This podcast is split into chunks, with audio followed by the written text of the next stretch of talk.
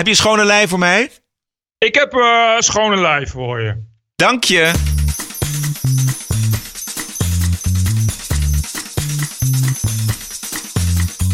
This is the TPO podcast. Ranting and Reason. With Bert Brusson and Roderick Phalo.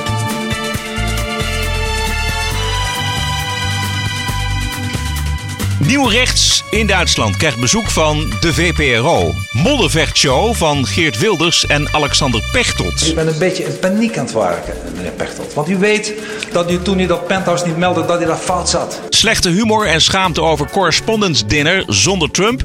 Wat gaan we doen tegen de radicale islam in Nederland? En het duo Diamond en Silk verantwoorden zich voor het Amerikaanse congres. You've never been paid by the Trump campaign. We have never been paid by the Trump campaign. Welkom bij aflevering 65. This is the TPO podcast. Bert, in een Oh, nieuwe studio. Ja, ik zit nu in een hokje. Dat is een beetje eh, geluidsdichtachtig. En dan eh, heb je niet meer zoveel last van eh, rare echo's. Klinkt Het goed. is wel een, een beetje professorisch hokje. Maar wel gemaakt van geluidsdichte materialen. Dus zou denken dat het dan helemaal geluidsdicht is. Maar zelfs dan hoor ik hier nog rare echo's. Ik denk dat eh, dit huis met die rare hoge plafonds en 100% alleen maar steen overal gewoon... eh, dat zijn gewoon rare echohuizen. Ja. Maar je- ik denk dat de luisteraar dat niet hoort. Nee, dat denk ik ook niet. Ik, ik vind het goed klinken. Het klinkt eh, eh, beter dan eh, ooit tevoren, zeg maar, met deze afstand die wij toch inmiddels iedere week overbruggen. Dat zijn toch een paar duizend kilometer. En ik vind dat, je het, dat het goed klinkt. Mooi. Ik heb maar gewoon de hele week zitten verkneukelen om het instortende imperium van de Nobelprijs voor Literatuur in Zweden. Ik weet niet of je dat volgt, maar Nee. daar is, daar is eh, een heel groot MeToo-schandaal ontstaan. Want eh, de keurige, uiteraard door normaal correcte en keurige elite mensen die daar de dienst uitmaken. eh, een, een mevrouw die daar in het bestuur zit, haar man is, is gewoon een soort Zweedse cultuurpaus. Een soort, soort Michael Zeeman-achtige eh, figuur. En daarvan hebben nu maar liefst 18 vrouwen geklaagd dat ze door hem zijn aangerand. Eh, en, eh, en terwijl hij zit dus niet in het bestuur, hij is alleen getrouwd met een bestuurslid. Maar die vrouw die dus in het, bestuurslid, in het bestuur zit, die wordt dan weer beschuldigd van het doorsluizen van geld en het eh, uitdelen van opdrachten. Dus het is dubbel, dubbel lol. Nou ja, het, het gevolg is dat er een heleboel bestuursleden inmiddels zijn opgestapt. Waardoor het bestuur dat over is gebleven te klein is om nieuwe bestuursleden aan te kunnen stellen. Volgens, eh, eh, volgens de regels. En eh, gisteren kwam weer naar buiten dat ook de Zweedse kroonprinses waarschijnlijk ook is aangerand door die cultuurpaus. Tijdens een bijeenkomst van de Zweedse Nobelcommissie voor Literatuur. Dus ze zitten nu met de situatie dat zo'n beetje het meest prestigieuze eh, Ivoren Toren organisatie ter wereld langzaamaan aan het instorten is. Er wordt nu al openlijk over gesproken om dit jaar de uitreiking voor de Nobelprijs voor Literatuur over te slaan. En te verplaatsen naar 2019. Ze zijn dus nu van plan om in 2019 de Nobelprijs voor 2018 en voor 2019 uit te reiken. En dat dus allemaal omdat er sprake is van grootschalige MeToo. De aller, aller, allernetste mensen ter wereld die scharen zich in deze, dit MeToo-schandaal. Dat is toch wel buitengewoon treurig. juist. Het is niet alleen eh, goed voor de dames die slachtoffer zijn van de hele eh, MeToo-gasten. Maar het is ook vooral heel leuk amusement voor alle andere mensen die eh, dachten dat eh, de beschaafden en de boven ons gestelden ook daadwerkelijk beschaafd waren. Bert, het is vandaag maandag 30 april. Dan nemen we deze podcast op. Maar morgen is het dinsdag 1 mei. En je weet, 1 mei, dat is de dag van de arbeid. En ik kan me nog herinneren dat we vorig jaar de internationale draaiden. En de TPO-podcast bestaat dus al meer dan een jaar.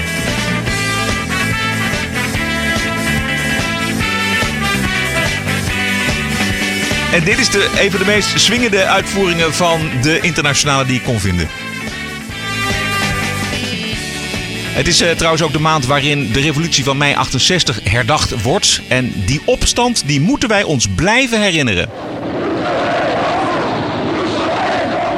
There would be freedom to speak and write, to travel and organize. There would even be a form of market economy. One of the first changes was the ending of censorship. Suddenly the papers were full of truth, revealing the crimes of Stalinist Czechoslovakia. Everywhere, crowds gathered in anxious debate. After two decades of terror and silence, Czechs and Slovaks had found their voice again. On the night of August 21st, Soviet paratroopers seized Prague airport. Soviet and Warsaw Pact armies burst through the Czechoslovak frontiers. Ja, dit was eh, mei 68 in Praag, de Praagse lente, die tot een einde kwam in augustus eh, 1968. En we weten hoe dat afliep, namelijk nog eens 20 jaar communisme. En dan was er nog een linksopstootje in Parijs. France, May 1968. A nation of strikes, of violence. A country paralyzed across its length and breadth. The simmering of unrest amongst its student population rapidly boiled, then boiled over. Citizens from every walk of life, from every class, became involved. Unrest, which had lurked beneath the surface, spilled into the open. France had been brought to its knees by a disenchanted majority who wanted more money, better working conditions, and a shake-up in the social system. Chaos ruled the street. 50 jaar geleden? Nu? Ja. Ja. Jezus, dus we gaan eigenlijk al 50 jaar gebukt onder eh, eh, de terreur van eh, wat babyboomers destijds hebben veroorzaakt. Ja, het is misschien een aardig gedachte-experiment. Wat nou als die opstand in Parijs net zo in de kiem gesmoord was als die opstand in Praag? Wat als er helemaal geen linkse revolte had plaatsgevonden in Parijs, in Amsterdam, in, in Berlijn, et cetera? Zeg maar dat de gezapige jaren 50 waren doorgerold tot pak een beet 1975. Hoe had de wereld er dan uitgezien? Goeie vraag, maar dat had ons een, eh, in elk geval heel veel subsidie gescheeld. Eh, daar waren, hadden we waarschijnlijk eh, best wel eerlijke, objectieve couranten gehad. Eh, dan werden we, waren we niet massaal geïndoctrineerd door de VARA en Marcel van Dam. Ja, even kijken hoor. Daar zijn natuurlijk ook wel. Dan, ik denk dat we qua seksualiteit was het dan wat minder, dus geen vrije seks. Nee. Eh, Ge- geen Rolling hadden- Stones, denk ik ook. Geen geen verdovende Rolling drugs. Stones. Maar Geen- we hadden ook geen Freek de Jonge. Ik bedoel, dit, dit zijn ook voordelen. Ja.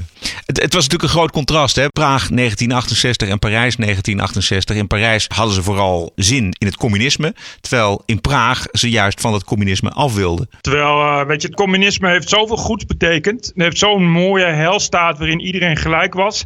En dan waarin iedereen's talent op juiste wijze werd ontplooid. Het is jammer dat we dat eh, nu alweer eh, kwijt zijn. Misschien moeten we het nog een keer proberen. Ik zeg, verzet je. Laten we het communisme nog eens een keer een kans geven. Ik zat eh, toevallig eh, de afgelopen twee dagen heb ik eh, een documentaire gekeken over de opkomst en ondergang van Stalin. Oh, dat was, die heb ik ook gezien. Is Ja. dat is het, die, die apocalypse? En dan Ja, staat precies. Ja, Ja, die- geweldig. ja. Ik wist daar helemaal niks van. Of niks. Ik wist daar helemaal niet zoveel van. Ik wist Nee. ook helemaal niet die, die, die strijd tussen Trotsky en Lenin. Weet je, dat echt iets wat je dan ooit vaak gehoord hebt. Ik kan hem zeker aanbevelen. Het mooie ervan is dat er namelijk heel veel archiefmateriaal is. Dat is eh, ook nog ingekleurd ook. Dus het, het, het, het ziet er veel dichter bij uit dan het eh, feitelijk is. Maar je ziet vooral gewoon dat Stalin eigenlijk gewoon een maffialeider was. En, gewoon Juist dat, ja. en zich met moorden en bedrog en machtshonger eh, naar die top toe heeft gewerkt. De grootste massamoordenaar uit de geschiedenis is geworden. Ja, dat, dat viel me dus ook op. Dat het, was echt een crimineel. Hij was er echt ook al op jonge leeftijd was hij inderdaad al een soort godvader. Ja. Eh, met, met, en, en dat communisme was echt ja, zijn bende, zeg maar. Die gewoon voor hem eh, zijn dingen uit, uitvoerde. En inderdaad echt ook, hij heeft gewoon meedogenloos, gewoon berekenend op het juiste moment eh, mensen die hem gewoon heel naast stonden zo uit de weg laten ruimen. Dus je kan het echt inderdaad gewoon, het was echt, je kijkt echt naar de godvader. Het was een van de moeilijkste te volgen debatten in de Tweede Kamer de afgelopen jaren. Het moest gaan over het schrappen van de dividendbelasting, maar het ging over herinneringen en memo's. Hoogtepunt was het boksgevecht tussen Geert Wilders van de PVV en Alexander Pechtold van D66. Eh, de eerste ronde duurt best lang, maar hij is wel leuk. De heer Wilders. Voorzitter, heel veel mensen die nou thuis naar dit debat kijken.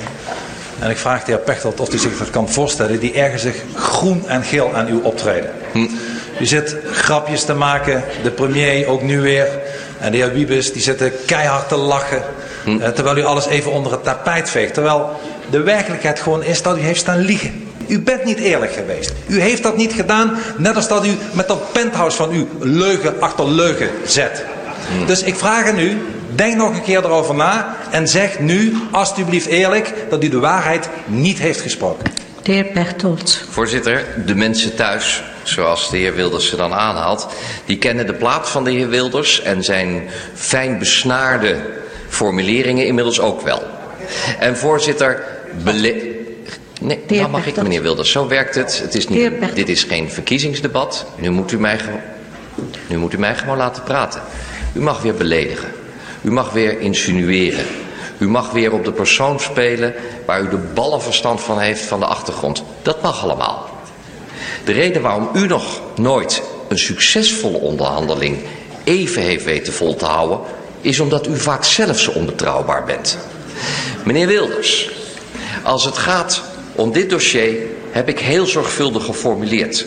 Waar Dijkhoff zojuist over sprak, was dat Rutte misschien nog meer had kunnen weten dan andere memo's dan de VVD-memo.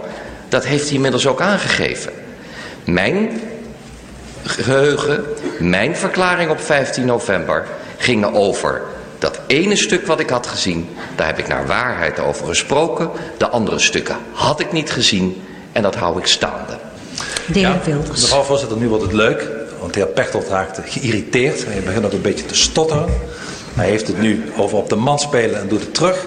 En ik zeg u dat kenmerkend aan uw gedrag is. En dat is met uw penthouse wat u niet meldt aan de Kamer. En dat is nu weer over die nota die u zegt. ehm, die heb ik niet gekend terwijl u hem wel heeft gekend. Dat u gewoon een geboren leugenaar bent. U liegt alles bij elkaar over uw penthouse en nu ook weer over dit stuk. En zelfs uw collega's hebben nog het lef om te zeggen, ja dat was een onwaarheid. Ze durven dan het woord leugen niet te zeggen. En u, u bent er trots op, op die leugens. U maakt er een grapje over. U kijkt lachend naar de premier en die lacht toch nog een beetje smalend met u mee. Maar u heeft gewoon de waarheid niet verteld. De vraag van alle collega's was in november. Meneer Pechtold, weet u en was er nog een andere memo? En u wist het, dat heeft u net gezegd. En u heeft gezegd nee. En dat is een leugen zoals u ook over uw penthouse heeft geleugen. Het is een kleine obsessie voor de heer eh, Wilders. eh, maar daar, eh, die, zal ik, eh, die zal ik op een later moment, maar niet met de heer Wilders, uitspreken.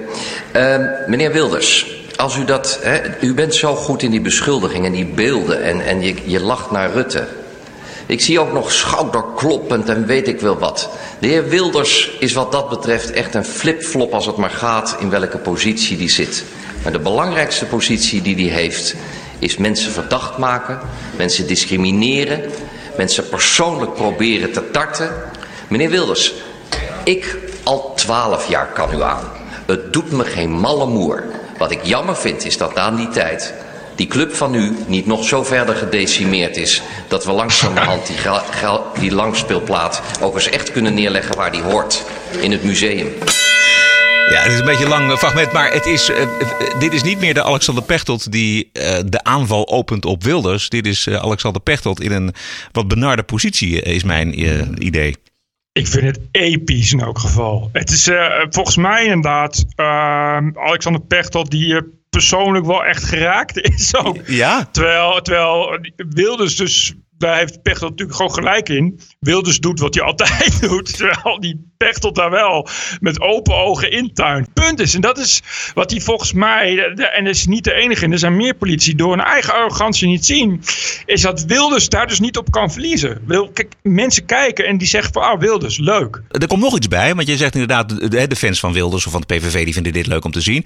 Maar er komen nog meer mensen bij, want ik denk dat eh, ook een hoop mensen die helemaal niks met de PVV te maken hebben, nu denken van, wacht eens eventjes, nu krijgt Pechtold met eigen munt betaald. Want Pechtold heeft natuurlijk jarenlang Wilders aangevallen en pakt hem nu. En nu wordt hij teruggepakt. En dat vinden mensen toch leuk om te zien. Precies. Het liefste wat je natuurlijk wil zien is dat uitgerekend eh, iemand die altijd zo hoog op zijn morele paard zit als Pechtold, een D66er, ja, zijn cool verliest eh, en, en zijn waardigheid verliest. En dat doet hij nu echt, echt, echt grandioos aan mee. En met een tegenstander als Wilders moet je weten dat je niet zoiets als het appartement in Scheveningen boven de markt moet laten hangen. Maar nu bungelt dat ergens in de buurt Exact. van Pechtold. Met een vijand als Wilders is dat vragen om moeilijkheden. Wilders hoeft ook alleen maar te zeggen, hey Pechtold, appartement hè. Ja. En, en Pechtold ja. gaat, of, of eh, penthouse, en Pechtold gaat dan wild om zich heen slaan. Waardoor je als kijker en als luisteraar het idee krijgt dat er dus inderdaad iets niet in de haak is. Dat hem dat dus inderdaad dwars zit. Het, weet je, het, is, het is toch eh, de hele tijd iemand met een vinger porren. Waarvan je weet dat hij de hele tijd, als je hem, als je hem port, dat hij om zich heen gaat slaan. Terwijl je, wat je zegt, nou, Pechtold die had dat natuurlijk gewoon inderdaad moeten afvechten. En moeten dichttimmeren. En op het moment dat, dat iemand komt van... Hey Pechtold, hoe is het met dat penthouse? Dat hij dan direct iets terug kan zeggen. Waardoor je stil bent. Maar dat doet hij dus niet. En het bestaat daar nog steeds. Het is nog steeds een, een, een olifant in de kamer... die de hele tijd alleen maar groter en groter groeit. Waar Wilders natuurlijk nog de komende tijd... heel veel plezier mee kan hebben, vrees ik. Ronde 2. Hij heeft het echt moeilijk. Hij gaat nou in één keer nog wilder om zich heen slaan. En allemaal over decimeren. En de partij, wat er al van waar is ook, is nog altijd vele malen groter eh, dan de uwe. Van peilingen tot in de werkelijkheid. Dus en u, bent een beetje, u bent een beetje in paniek aan het werken, meneer Pechtold. Want u weet dat u toen u dat penthouse niet meldde, dat u daar fout zat. En dan gaat u over mij praten, over verdachtmaking. Het zijn feiten en half Nederland ziet dat ook. Als je cadeau krijgt van de ambassadeur, meld je dat. Als je niet doet, ben je leugenaar. En nu, met een ander debat, gaat het weer over een memo. Waar hij opnieuw niet de waarheid heeft gesproken. Dus u kunt wel, als ik dadelijk naar mijn stoel weer ga zeggen van... nou, dat partijtje van jou en hij wil alleen maar discrimineren. Maar u draait om het antwoord heen. U heeft gelogen bij het penthouse en hier. En u geeft het in tegenstelling van uw collega's die wel praten over de waarheid... geeft u het niet toe. U bent, meneer Pechtold, een heel klein mannetje. Kijk. Nou, Nou, dat kan harder, mannen. Kom op, kom op, ietsje harder. dan- Meneer, voorzitter, een kleine afsluiting. Als dat beeld wat de heer Wilders zo van mij heeft klopt, dat ik altijd lieg, dat ik altijd lieg, dan zou ik zeggen, waarom bent u vandaag verbaasd? Waarom bent u 15 november verbaasd? Waarom bent u überhaupt verbaasd? dank u wel. Ja, niet heel erg sterk. Nee, dit was toch wel eh, behoorlijk matig. Ook dat hij, je hoort dat geroffel en, en daar, daar gaat hij ook echt venijnig reageert hij daarop. Terwijl je dat natuurlijk, natuurlijk heel cool moet negeren. Dat is natuurlijk altijd zo. Want als je in een debat zit, je hoeft niet echt een debat, debatspecialist zijn om te weten dat punt 1 is het publiek voor je winnen. En op het moment dat mensen gaan applaudisseren, dan wacht je even rustig af en ga je verder. Ja. Wat hij nu doet, dus inderdaad ook echt duidelijk laten zien dat hij echt gefrustreerd is erover dat mensen daarvoor klappen of roffelen in dit geval. Het zijn niet de, de beste dagen van Alexander Pechtold in de politiek. Het, het- inhoudelijk was het een lastig debat. Laten we het kort samenvatten door fractievoorzitter Buma van het CDA. De heer Buma. Niet op flauw te zijn, maar ik ga dus precies niet mee in wat herinner ik mij wel of niet van een conference call. Los van de vraag dat ik natuurlijk, even los hiervan, ga ik niet praten over vertrouwelijke gesprekken. Ik heb daadwerkelijk bij een aantal dingen geen herinnering gehad. En op een gegeven moment, volgens mij eh, vorige week, heb ik gezegd ik wil kijken wat we zelf hebben. En wat ik net ook eigenlijk al zei, je ziet dingen waarvan je denkt van, goh, ik herinner het niet, maar ik heb het echt gezien. Ik heb het gelezen. En dat is dus, en daarom ben ik er zo voorzichtig in. Als ik open ben naar de Kamer, zeg ik dit. Niet meer en niet minder. Dus daadwerkelijk, en daarom dat dit in woorden zo ingewikkeld is, klopt. Omdat ik soms een herinnering niet heb, wat in de loop van deze discussie is gaan leiden als, oh, hij ontkent ze. Want die woorden zijn door elkaar gegaan. Dus feitelijk is dat zo. Feitelijk zijn er stukken, feitelijk zijn er ook ongetwijfeld stukken. Volg je het nog, Bert? Eh, ik was even de draad kwijt, maar ik kan op Nog een klein stukje. hè, op andere tafels hebben gehad. Onder normale omstandigheden. Bij eh, eh, formaties zo logisch als wat. Maar door de onhandige start van deze discussie is dat allemaal onderdeel geworden van een we- we- wel niet discussie. Maar ik wil dus niet van de basis weg, dat is mijn punt. This is the TPO podcast. Plaatsvervangende schaamte en verbijsterende gezichten afgelopen weekend tijdens de Correspondence Dinner in Washington. Het jaarlijkse feestje van politici en journalisten samen. Eh, De president die houdt dan een lollige speech als hij er is. En de journalisten die kiezen een grappenmaker om de president af te zeiken. Nou, Trump die was er niet. Dus hij miste deze dame. Good evening. Good evening. Here we are, the White House Correspondents' Dinner. Like a porn star says when she's about to have sex with a Trump, let's get this over with. I did have a lot lot of jokes. I had a lot of jokes about cabinet members, but I had to scrap all of those because everyone has been fired. I actually really like Sarah. I think she's very resourceful. Like she burns facts and then she uses that ash to create a perfect smoky eye. Like maybe she's born with it. Maybe it's lies. Ja, dit is, Probably lies. ja, dit is, dit is eh, op een of andere manier een hele beroemde Amerikaanse comedienne. Wie is dit? Eh, dit is Michelle Wolf. Ze zit dan bij Saturday Night Live of zoiets dergelijks, zo'n programma. Waarom was Trump er niet dan? Ja, Trump was in Michigan. Now, you may have heard I was invited to another event tonight, the White House Correspondents' Dinner. but I'd much rather be in Washington, Michigan than in Washington, D.C. right now. That I can tell you. Is koor op de molen van zijn aanhang. Ja, natuurlijk. Ja. Dit, dit is wel, lekker scoren, maar dit doet hij dan wel weer goed, moet ik zeggen. Hier denk ik ook wel weer van, ja, dat is wel weer baas. Als je dat zo kan zeggen. Dat je, dat je inderdaad ook echt bewust gewoon, zeg maar, een beetje, fuck it. Als we een poging doen om in de schoenen van Trump te staan, dan ehm, kan ik me eh, voorstellen dat je, eh, als je het hele jaar door wordt afgezeken door eh, CNN, door mensen van eh, MSNBC, door ABC, dat, dan kan ik me wel voorstellen dat je op een ochtend wakker wordt en denkt van, nou weet je, ik heb er geen zin in. Ik ga het gewoon niet doen. Dikke middelvinger. Sowieso, weet je, want het is natuurlijk, eh, eh, dit soort, dit soort dit soort spot en ironie en humor is echt zo'n typisch liberal thing. Dus ja, weet je, het, is niet dat hij nog heel veel respect heeft voor al die mensen die er zitten. Dus waarom zou je je laten afzeiken door mensen die dan ook nog eens een keer, ja, eigenlijk derde rangs lekker in een vuistje gaan zitten lachen waar jij bij zit. Terwijl ze zelf geen vuile handen hoeven te maken, want zelf hoeven ze die grappen niet te maken. Terwijl je, als je, ja, je hebt toch geen relatie, goede relatie met die mensen. Of is het een zwaktebod van de president? Ja, maar goed, dat is, vind ik lastig te zeggen bij Trump. Weet je, ik bedoel, je kan, nou, hij, hij doet alles radicaal anders. Tot nu toe heeft hij alleen maar dingen gedaan waarvan je zegt: dit is een breuk met de traditie van presidenten. En nogmaals, het, ja, het is een zwaktebod. Maar ja, als je, als je, als je, kijk, als, het is alleen een zwaktebod als je normaal wel aan alle, aan alle protocollen houdt en aan de tradities. Dan is het raar als je ineens niet verschijnt. Maar is het heel raar dat Trump niet verschijnt? Maar nee, want dat, is al een beetje duidelijk dat hij daar natuurlijk verder, verder dikke scheid aan heeft. Wat Trump ook gemist heeft, is de snoeiharde kwalificatie over hem van de grote Nederlandse tv-persoonlijkheid en kindervriend Bart Meijer. En jullie beginnen met een vraag in de categorie De Wereld. Het is tijd voor Donald Das Hallen. We gaan op eh, stap met de meest gevaarlijke, misschien wel moet ik zeggen, de meest gevaarlijke gek van het westelijk halfrond, Donald Trump. Hij is ergens in Nederland, maar waar? Kijk mee.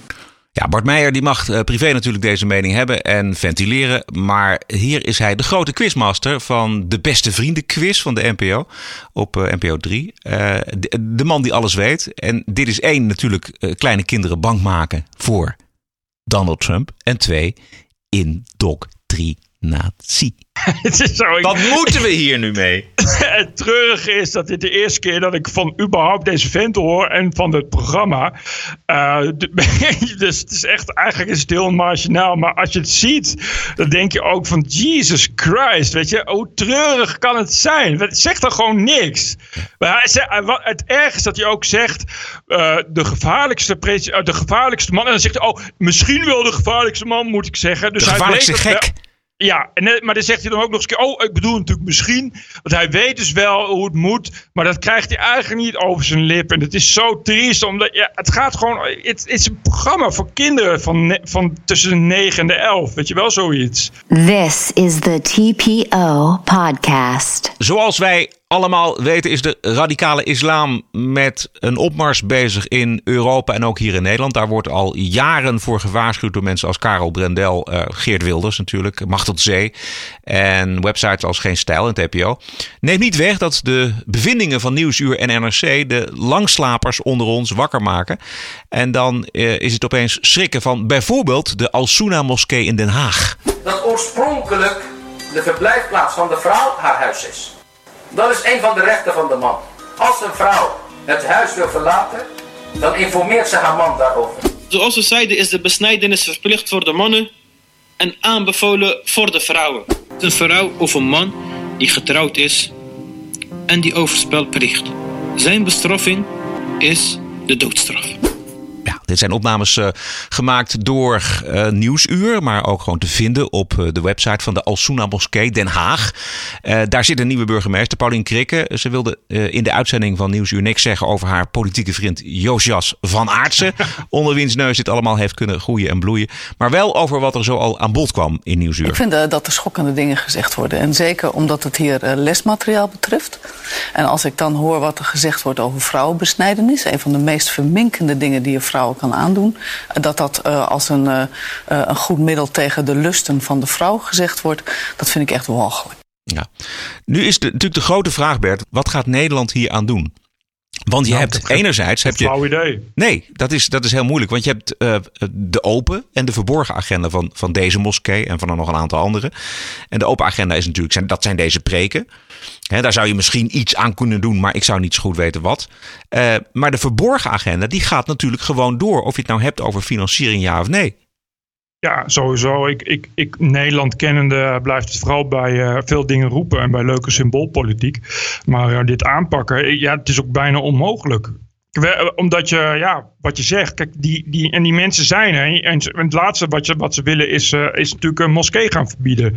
Of, uh, ja, kijk, bij eigenlijk alle oplossingen gaan we snel in de richting van, van wat de PVV wil. En ja, dat is iets wat, wat, wat, wat, wat niemand wil. En wat ook niet zo heel erg aansluit bij überhaupt de, grondwet, zal ik maar zeggen. Dus uh, wat je nu vooral ziet is dat we uh, op een probleem stuiten. Waarvan nu eindelijk dus inderdaad uh, de omvang ook een beetje begint door te dringen. Want ja, wat je zegt, het is al echt sinds 2006 dat mensen erover schreven. En toen Machtel C, wat is nog niet zo heel lang geleden, met haar boek kwam. Waar ongeveer dit allemaal letterlijk in staat. ehm, was het ook dat ze een complotdenken was. En het was ook allemaal de schuld van geen stijl en wie het duk. En nu zijn we ineens allemaal, zijn we ineens, ik, je hoort die krikken zeggen. En dan denk ik van ja, dat, dat roepen we al, uh, al, uh, al, al, al tien jaar, twaalf ja. jaar. Ja, nou, nou, is het natuurlijk zo dat je, stel dat je die financiering vanuit Kuwait en Saudi-Arabië zou willen aanpakken, dat je daarmee ook de invloed van uh, die landen minder maakt. Dat geloof ik wel. Hè? Want die, die moskeeën in Nederland die krijgen dat geld niet voor niks. Hè, dus dat is dan een, een soort van lifeline met die hele uh, achterlijke uh, vorm van de islam. En in het regierakkoord, daarin staat ook dat de financiering open en bloot moet zijn. Minister Sander Dekker, die zat bij Rick Nieman afgelopen zondag. Wat ik liever zie, is dat maatschappelijke en religieuze instellingen in Nederland veel, zelf veel transparanter worden over de donaties die ze bijvoorbeeld krijgen. Zoals dat ook gebeurt met politieke partijen, waar gezegd wordt donaties boven een bepaald bedrag moet je openbaar maken. En ik ben nu bezig samen met mijn uh, collega Koolmees om te kijken hoe we dat voor elkaar kunnen krijgen. Nou, dat begrijp ik wel dat het fijn zou zijn als ze het zelf doen, maar ze doen het niet zelf. En wij weten dat. Niet alleen het ministerie van Buitenlandse Zaken, ook het ministerie van Sociale Zaken weten precies hoe het zit. Dus ik zou zeggen, waar wacht u nog op? U wilt het transparant maken? Nou, ga u gang. We weten die gevallen waar uh, de landen zelf dat aan ons hebben meegegeven. Bijvoorbeeld maar van die kunnen we dan toch vast openbaar maken? Nou ja, dat hebben we nu gedaan.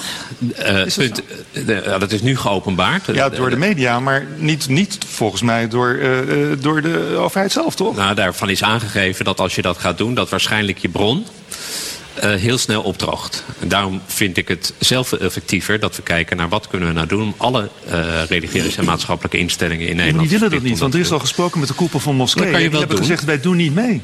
Dat kan je wel doen. Dan, dan, heb je, dan heb je wet en regelgeving nodig. En daar kijken we op dit moment naar. Ja, er wordt dus uh, hopeloos achter de feiten aangelopen.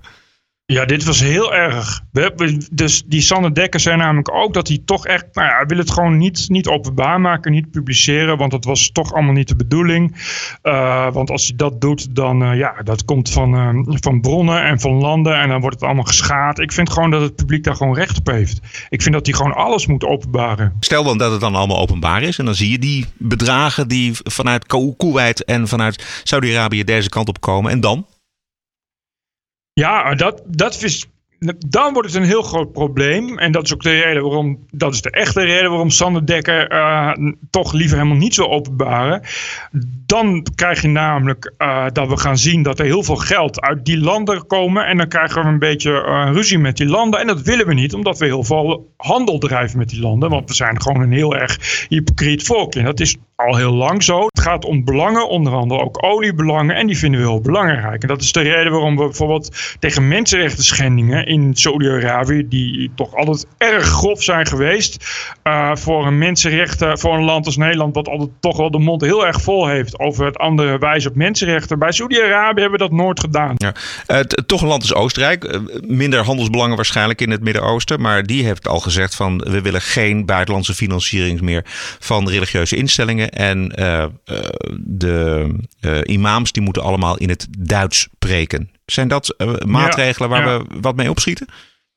Ja, ja, de druppel op een gloeiende, gloeiende plaat natuurlijk. Ik bedoel, het, zijn allemaal, dat zijn dus allemaal maatregelen die je dan maar moet gaan verkondigen. Omdat je dus niet zoveel aan kan doen. Weet je, dan krijg je, ja, de, de preek moet, moet in het Duits. Oké, maar dan ga, weet je, alsof het, alsof het uh, daarvoor nog niet wist. Alsof als die preken in de moedertaal zijn, dat we dan ineens zeggen, oh jongen, wat er nu toch wordt gezegd, je zei het net zelf. Het staat gewoon op de website van de Asuna Moskee. En je kan er gewoon ook de Koran op naslaan. Het kost nog niet echt veel moeite om je te bedenken en voor te stellen wat er precies wordt gepredikt. Maar wat dan? Als je zegt van je, je mag je vrouw slaan, dat als dat, of, of dat nou in het Arabisch is, in het Nederlands of het Duits. Dat gaan ze gewoon blijven zeggen. Ja.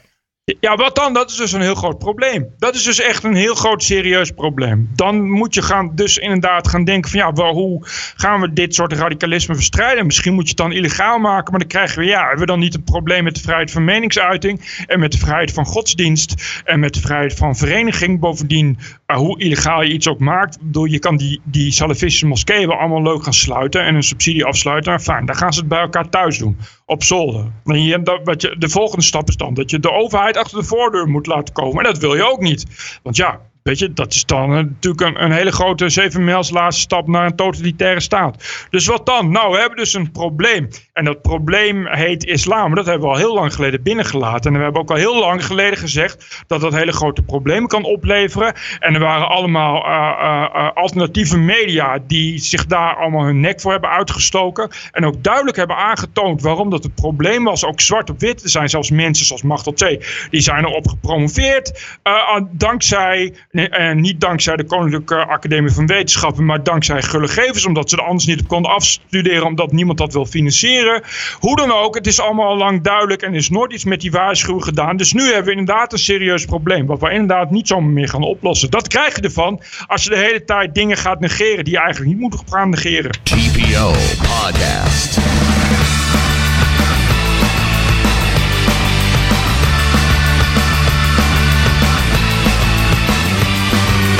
Ranting and Reason. Het VPRO-TV-programma Tegenlicht is op bezoek geweest bij Nieuw Rechts in Duitsland, de identitaire beweging.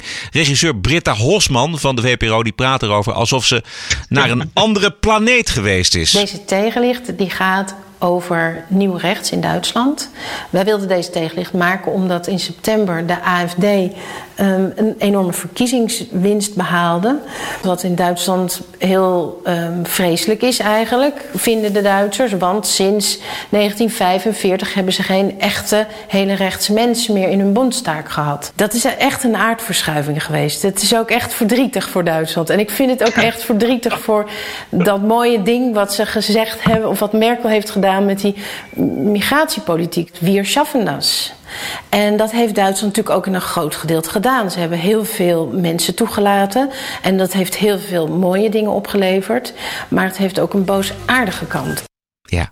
Het is zo grappig. Ja. Ik ging echt stuk van het lachen. Het is echt, ook op alle fronten is het gewoon grappig. Er komt alles bij elkaar wat je aan vooroordelen kan hebben over, over hyperpolitiek correcte, elitaire uh, publieke omroepen als de VPRO. En ze hebben hier geloof ik ook nog, want dit is, het was een uitzending van Tegenlicht, wat zo'n, inderdaad zo'n prestigieus uh, aan het denkprogramma is.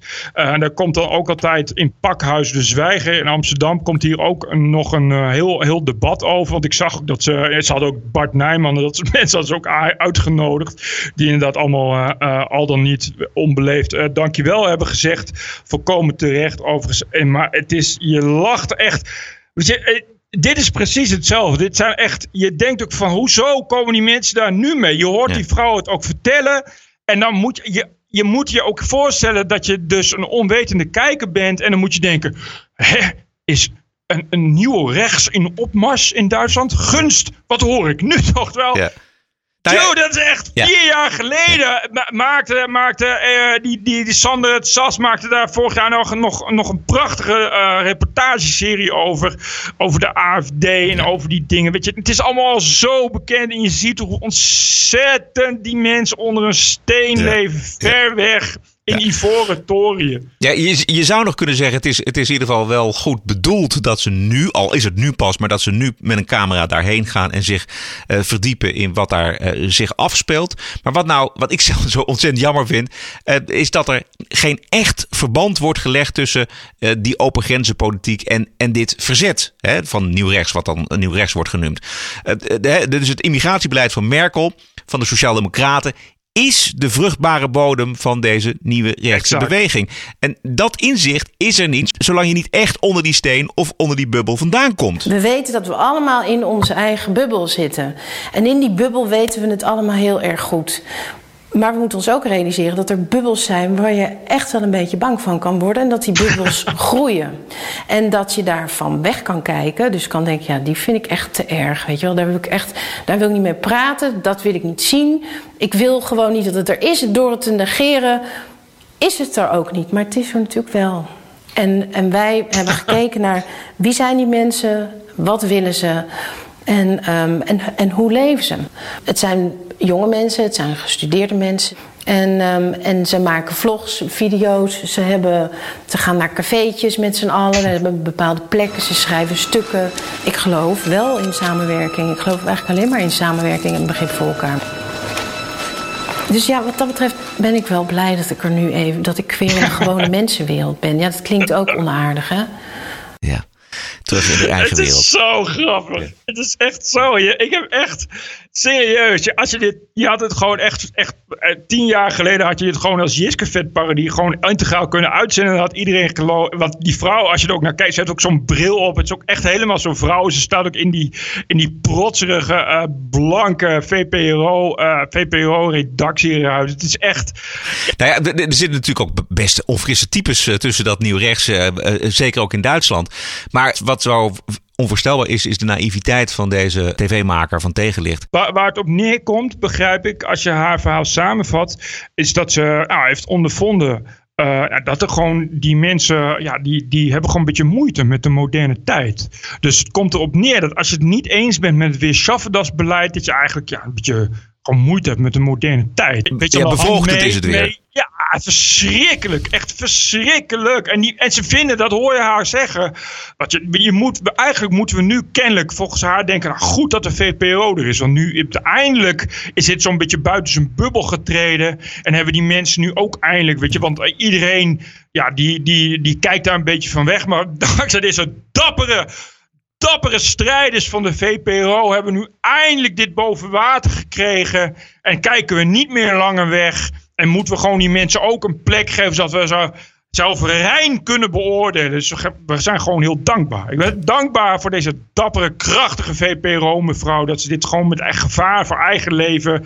Nou, toch eh, heeft aangedurfd om te laten zien dat er eh, in Duitsland. eh, nou, rechtse types in opmars zijn. Wat gewoon natuurlijk wel verdrietig is. Voor iedereen die deze tegenlicht wil zien, die moet dan maar de, naar de website van de VPRO, vpro.nl slash programma's slash tegenlicht. Kun je zelf oordelen over deze tegenlicht. Onze vriendinnen Diamond en Silk, die werden afgelopen week eh, gehoord door het Amerikaanse congres over hun ervaringen met Facebook. En dat betekende feest in het congres. De dames waren nog niet bij iedereen bekend. Ms. Hardaway and Ms. Richardson, I think uh, better known as Diamond and Spice, uh, first, if I can. Um, the uh, Diamond and Silk. My apologies. Hopefully, I get the rest of it right. Okay. You have personal experience this yourselves, uh, being uh, being blocked because it actually happened to you. Um, is, is that correct? Yes, that is correct. And buried deep in the settings of Facebook, there is a uh, setting called Your Categories, which um, Facebook label individual account as either liberal, very liberal, conservative, or very conservative. Our personal Facebook account have been labeled very liberal, thus meaning that anybody that is advertising or want to advertise, that's the only type of advertisement that we will see on our Facebook page. So if you are in the conservative and you're uh, advertising as a conservative, your reach will not be far. The reason being is because there are individual Facebook pages that have been labeled as very liberal. Now, with this particular setting, we cannot change it, we cannot correct it, we cannot update it. This has been a default setting set by Facebook on individual personal pages. With that setting set, if you cannot change it, then guess what? Facebook control what you see. Dit, dit vind ik interessant, Bert. Misschien weet jij daar meer van. Maar Facebook zet ze dus onder een categorie. En die categorie is very liberal. Terwijl ze vrienden van Trump zijn. Dus op die manier blokkeert Facebook de advertenties of monetizing. Begrijp, Ja, begrijp je dat? Je maakt gewoon een pagina aan. En in Nederland, Nederland is dat niet zo. Maar, eh, want ik, ik adverteer wel eens op Facebook. En dan kun je dus inderdaad eh, kiezen voor in de VS. Ik krijg inderdaad kun je kiezen voor welke categorie je wi- wilt targeten. En dat is dus inderdaad dat. Maar het is, het is wel heel erg Amerikaans. Want, eh, in, Nederland, eh, in Nederland hebben we dit allemaal niet zo. Maar, want in Amerika zit je ook heel erg aan, eh, aan zo'n nieuwsfeed vast. En dat soort dingen. Die, die, dat, dat hebben we in Nederland ook niet zo. Maar is er nog meer? Want ik vind het wel echt geweldig te horen, moet ik zeggen. De dames gaat het hen vooral om het gelijke speelveld, ongeacht je politieke standpunten. So if you're building your brand and you're pumping money into building your brand, it is not fair for somebody to change the rules in the middle of the game. And I think that's what's happening with, with certain American, with the American people, some of them. You change the rules in the middle of the great game and then people are left out to drive. That's not fair. Let me clarify this question. What if you're what if you're producing a product and maybe it's home little uh, garage factory or a, or a larger factory and you're shipping that product out on FedEx and they and FedEx decides you're conservative so we're not going to deliver your product to your customers. Is there a difference between what's going on with Facebook and what would be going on under that Well, that would be to me discrimination. Yeah, it's on both discrimination on both on both sides. And listen, wait a minute. This is for all voices. No voices should be censored. And this could be bipartisan. I don't care if you're on the left or the right. The deal is, is that no voices should be silenced, and you should not be discriminating. If, if it's a platform to express all deals, express all ideas, All ideas. not just one side. That's not right. just put it where it's one-sided. Where I'm just seeing liberal group views. Where you have my account deemed liberal when I'm very conservative. I am a Republican, but you don't have that up there. And why are you making those decisions for me? Why didn't you give us the opportunity to put in what we are, our political affiliation? And what does our political affiliation have to do with Facebook? Just think about that. Zo mooi. In het, begin van de, ja, in het begin van de hearing was die zaal nog leeg. Maar ze hebben daar zeker drie kwartier gezeten. En, en die zaal die stroomde vol met mensen die dit ook allemaal wilden zien en horen. Je ziet, er, je ziet het ook echt voor je, allemaal van die, van, van die senior congresleden in, in, in, een, in een bescheten pak. Je hebt echt geen idee wie dit zijn nog, inderdaad. Ja. Je, hoort, je hoort ook al af en toe op de achtergrond, oh, oké, oké. Ja, die meiden zijn zo goed, jongen. Maar ik zou, als ik eh, Zuckerberg was, eh, wel wakker liggen hiervan. Ik zou geen ruzie willen met Diamond en Silk. Als die boos zijn, dan eh, wordt het wel heel eng. Ehm, er werd ook gekeken naar eh, een bedrag wat ze zouden hebben gekregen van het Trump campagneteam. Ik heb niet het hele fragment, maar wel een, een gedeelte ervan. Eh, dat bedrag dat was iets van 1000 dollar en eh, ze zouden dat gekregen hebben. Volgens Diamond Silk hebben ze dat gekregen als onkostenvergoeding omdat ze een of andere vlucht hadden gemaakt. Degene die dit aanhangig maakt is de democratische Sheila Jackson Lee. Ze heeft een wat lage stem. Um, Hardaway, uh, have you ever been paid by the Trump campaign? No. We've never been paid by the Trump campaign. Um, you've never been paid by the Trump campaign. We have never been paid by the Trump campaign. Not five dollars, not a hundred dollars. We have never What about been paid. We have never been paid by the Trump campaign. Uh, let me ask a specific question. One thousand two hundred and seventy-four dollars and ninety-four cent. We have never Thank you. been paid. Zoek dan ook geen ruzie met Diamond en Nee, precies. Ja, het is echt geweldig. Goed, eh, dit was hem, eh, Bert. Oh. Tot zover. Nou, dat was dan weer leuk. Of wil je er nog iets over zeggen? Nee, nee, nee. nee. nee goed. maar het was weer goed dat we, dat we dit even gedaan hebben. Juist. U Heel goed. Wilt u onze... Bedankt, Roderick. Ja. Eh, wilt u onze wekelijkse podcast ondersteunen? Ga dan naar onze website tpo.nl slash podcast. En ik zou zeggen, heb een, een stille 4 mei en een vrolijke 5 mei. En wij zijn terug op dinsdag 8 mei met een nieuwe podcast. Heb een mooie week en tot dan. TPO Podcast. Bert Bruson, Roderick Balo, ranting and reason.